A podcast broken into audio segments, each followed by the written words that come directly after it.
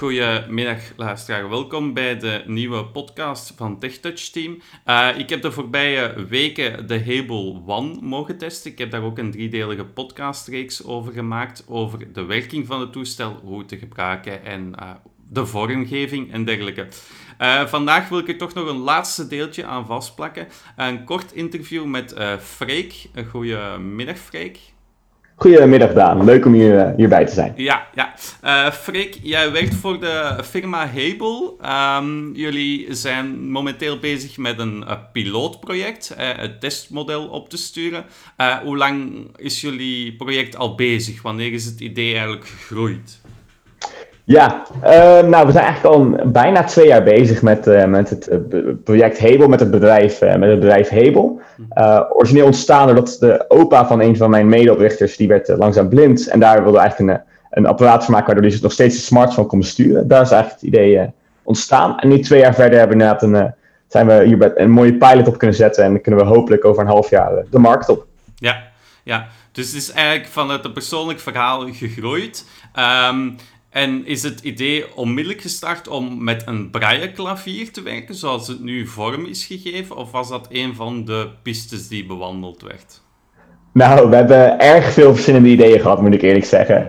En uh, dat is inderdaad begonnen met een, toetsenbord, maar die zat echt nog aan, uh, aan het toetsenbord vast. En er zaten eerst nog maar zes knoppen, want we toen ook nog niet heel veel van de markt afwisten. Mm En ik moet zeggen dat we door de tijd heen misschien wel 40, 50 prototypes hebben gehad. Uh, en wat voor ons heel erg heeft geholpen is uiteindelijk hebben we heel veel samen kunnen werken met, uh, met mensen met een uh, visuele beperking. Mm En hebben echt met hen samen het uiteindelijke product ontwikkeld. Omdat we op die manier gewoon veel betere resultaten kregen. Ja, ja, ik denk dat jullie op die twee jaar tijd toch wel ook wat inzichten hebben gekregen in hoe, hoe mensen met een visuele beperking hun smartphone bedienen. Ja, absoluut. absoluut ja. Oké. Ik heb het prototype een drietal weken kunnen gebruiken. Ik heb ook mijn feedback aan jullie uh, mogen geven. Uh, je spreekt erover, we willen het uh, binnen een half jaar op de markt brengen. ik heb nu een test gedaan. Zal het eindproduct nog veel afwijken van het prototype dat we nu kennen? Um, ja, ja wat, we, wat we eigenlijk hebben uitgedeeld is een echt een testproduct. En dat uh, is ook qua materiaal en qua opbouw ziet hij er gewoon wat anders uit dan het uiteindelijke product. Um, er gaan zeker best wel wat dingen veranderen. En dat zal vooral op het gebied van kwaliteit zijn en, en wat uh, een stukjes in de navigatie die we veel hebben teruggehoord van mensen in de pilot die nog niet goed waren. Dus zeker die basis gaat allemaal veranderen. Uh, wat we vervolgens doen, we hebben eigenlijk alle feedback die we verzamelen, die gaan we op één grote hoop gooien. Daar doen we een paar mooie data analyses over. En dan gaan we eigenlijk met heel het team samen zitten en zeggen, nou hey, uh, deze dingen hebben de feedback, die willen we veranderen of die willen we toevoegen. Uh, en dan gaan we bekijken, oké, okay, op welke termijn kunnen we dat doen? En misschien is dan wel de eerste versie, uh, misschien op in een latere versie.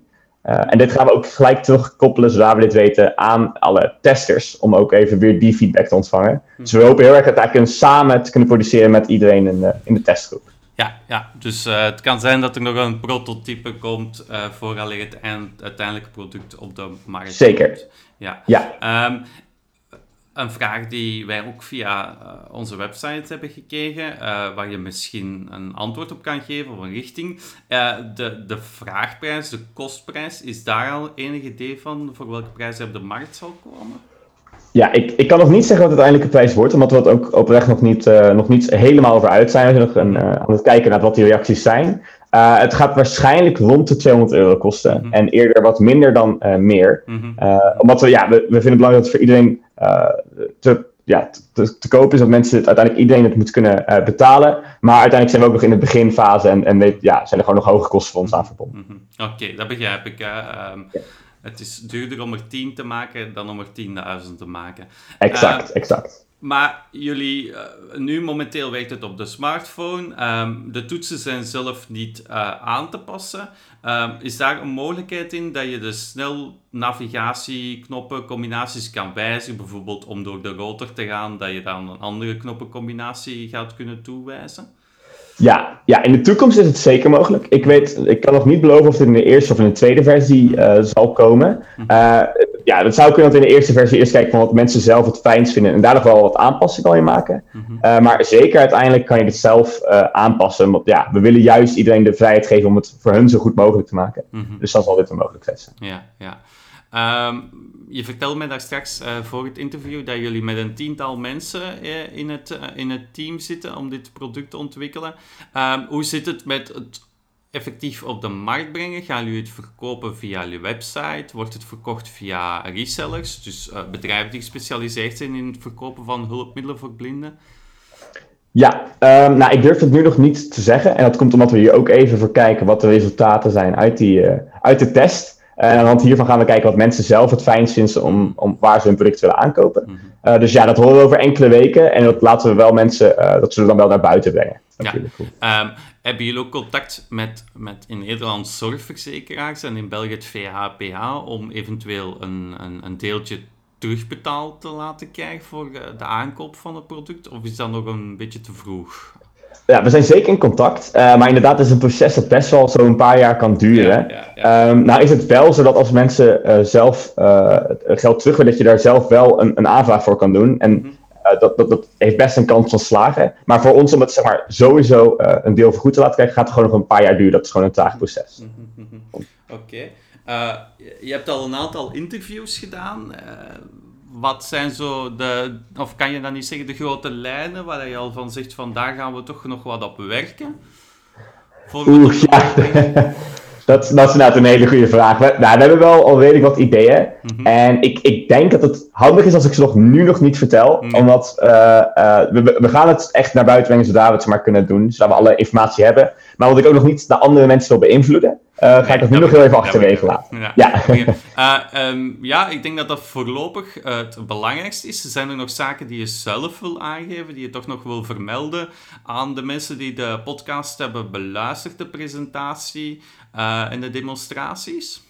ja, ja ik, ik, wat ik nog wel graag wil zeggen is dat inderdaad, dat, wel, goed is om dat het echt een testproduct uh, is dat we nu hebben uitgedeeld. Dus ik zie veel mensen uh, die zich bijvoorbeeld zorgen maken over de manier van braille invoer. Bijvoorbeeld het, het zes braille gebruiken systeem. En niet het, wat, het meest bekende achtpunts waarmee je normaal ja, elektronisch ja, braille... Waarbij dat je vingers naast elkaar zet en niet onder elkaar. Onder elkaar. Ja, exact. En, en dat, ik zie dat bij veel mensen terugkomen. En dat is een hele begrijpelijke vraag van, hé, hey, waarom is het zo? Mm -hmm. wij zijn zelf heel erg aan het kijken of er een manier is hoe we dat beide in het apparaat kunnen krijgen in het uiteindelijke product. Mm -hmm. En dat is wel iets waar we heel erg mee bezig zijn. Want dit soort feedback is ons heel belangrijk. Dus mm. ja, beoordeel nog niet volledig het, het, het apparaatje op wat je nu hoort en op testproducten. Mm. Uh, wij staan juist ook voor die feedback en we gaan dat proberen allemaal zo te maken dat het voor iedereen uh, ja, Oké, goed. Ik hoop dat we over een aantal maanden misschien nog een vervolginterview kunnen doen om te bekijken uh, hoe het uiteindelijke product er zal uitzien en uh, wat er nog gewijzigd zal worden.